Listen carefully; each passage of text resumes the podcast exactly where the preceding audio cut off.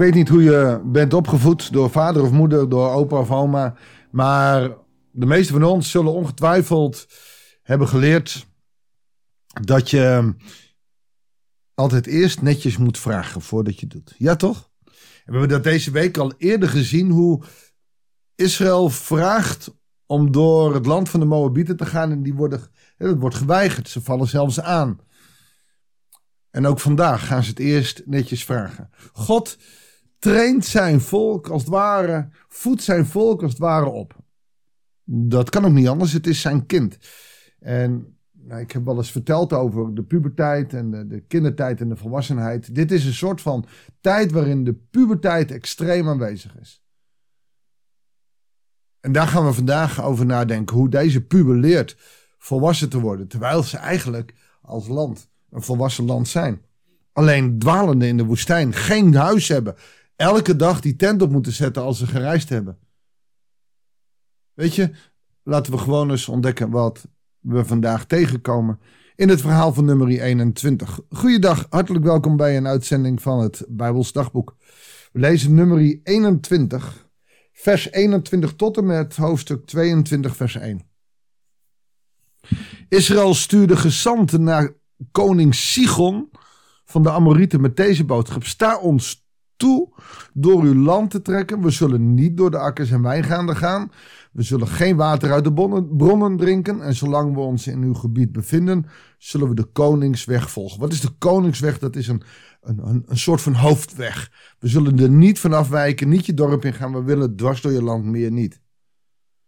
Maar Sigon, de koning van de Amorieten, uh, weigerde Israël doortocht te verlenen. Hij verzamelde zijn troepen en trok de woestijn in. Israël tegemoet. En bij Jahas viel hij aan.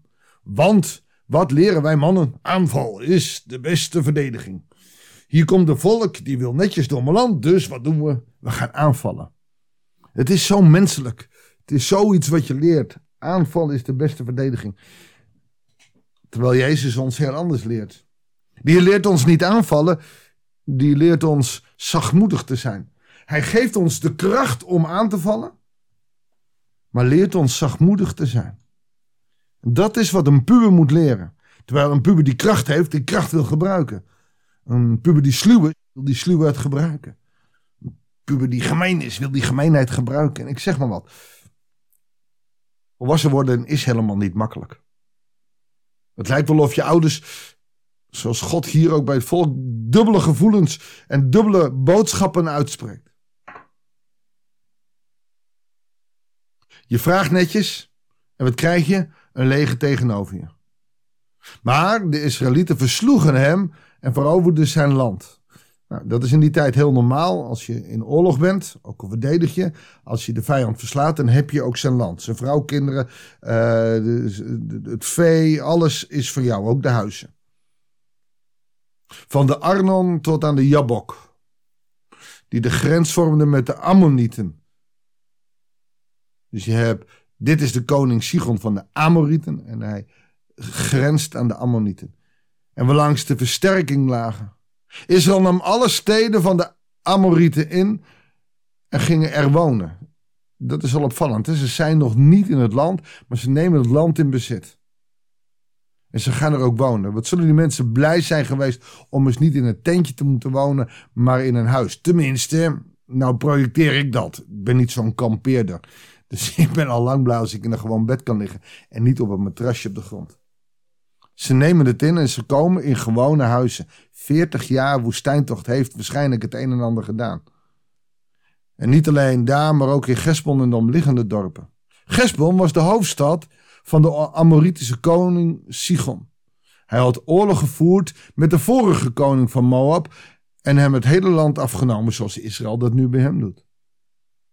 Tot aan de Arnon. Vandaar dat de dichters zeggen, en nu komt er weer een lied, een gedicht, een poem uit de boek van de koningen. Kom naar Gesbon en herbouw de stad. Versterk de stad aan de Sigon.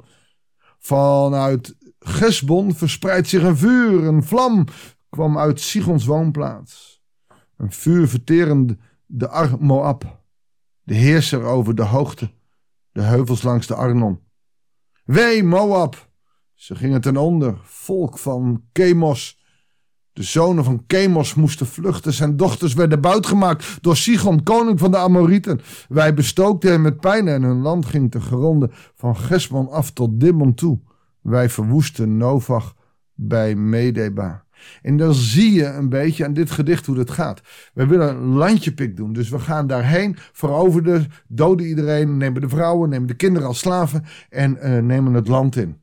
En, en, en, en dat geeft ook een beetje aan de gruwelijke uh, praktijken van de Amorieten en de Ammonieten en de Hittieten en de Geschieten. En, nou ja, sorry, ik, ik noem allemaal wat op, maar uh, er zijn heel veel stammen en volken daar rondom Israël, in Israël. De Canaanieten, we hebben hier de uh, Ammonieten, maar ook de Amorieten.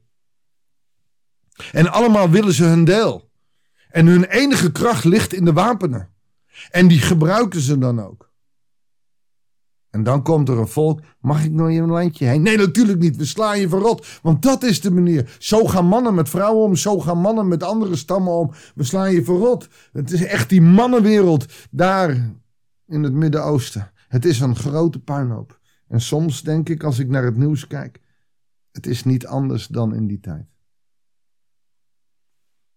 Israël vestigde zich dus in het gebied van de Amorieten. En nadat Mozes Jazer had laten verkennen, werden de dorpen rond die stad ingenomen. De Amorieten die er woonden, werden verdreven. Daarna trokken ze verder in de richting van Basan. En koning Och van Basan trok tegen hen te strijden. Hij rukte hem met het voltallige leger op naar de Edrei. Maar de heer zei tegen je hoeft niet bang te zijn voor hem, want ik lever hem aan je uit. Met heel zijn leger en zijn land. Doe met hem hetzelfde als wat je gedaan hebt met Sigon, de koning van de Amorieten, die in Gespon zetelde. En de Israëlieten versloegen hem en zijn zonen en ook zijn leger tot de laatste man en de laatste en namen zijn land in bezit. Wat je hier ziet is dat de landen rondom Canaan, dus de Moabieten, de Ammonieten, de Hethieten, de Canaanieten, al die stammen, al die volken zijn gruwelijke stammen. En voor vrouwen die luisteren, het waren mannen die vrouwen onderdrukten, hun eigen vrouw inruilden voor een knapper modelletje, die luisterde of die gehoorzaam was. En je mocht niks inbrengen tegen je partner. Je was slechts een vrouwmens. Je was niks. Je kon kinderen krijgen, de was doen, de tent schoonmaken en je benen wijd, om het even platvloers te zeggen. Meer was een vrouw niet waard, zeker niet in die omgeving. En dat heeft daarvoor, maar ook later Israël beïnvloed. En God probeert dat telkens goed te maken. Lees maar eens in, in Marcus 10. Daar probeert Jezus de balans tussen man en vrouw te herstellen. Zoals die onder de wet van Mozes al verkeerd ging, maar al bij de schepping verkeerd ging. Maar ook Paulus lukt het niet om die balans te vinden. En nu, na zoveel jaren, is er nog steeds niet een volledige balans tussen man en vrouw. Nog één vers wil ik met je lezen. Hoofdstuk 22. Daarna trokken ze verder en sloegen een kamp op in de vlakte van Moab. Aan de overkant van de Jordaan, ter hoogte van Jericho. Dat is de plek waar ze straks Israël in kunnen, Canaan in kunnen, zodat dat weer Israël zal worden. Je ziet dat God hier het volk leidt. En wat doet hij, en dat doet hij goed, is dat als zij die omliggende eh, beweging maken, dus van het zuiden naar het midden van Israël, dan neemt hij daar dus de Moabitische uh, plekken in. Daar trekt een deel van het volk in de huizen. Dat betekent dat je een buffer rondom Israël hebt wat nu Jordanië is, dat hoorde destijds door deze veroveringen bij Israël. Het was niet het land van melk en honing, niet het beloofde land. Dat gaan ze straks in. Maar het was wel dat, het is een tactiek van God om, om die omliggende beweging te maken. Maar eerst door netjes vragen. Maar het kwaad wil nooit goed reageren als jij het netjes vraagt. Toch leert God ons netjes te vragen. Laat nooit aan jou afhangen dat je net zo bent als je vijand.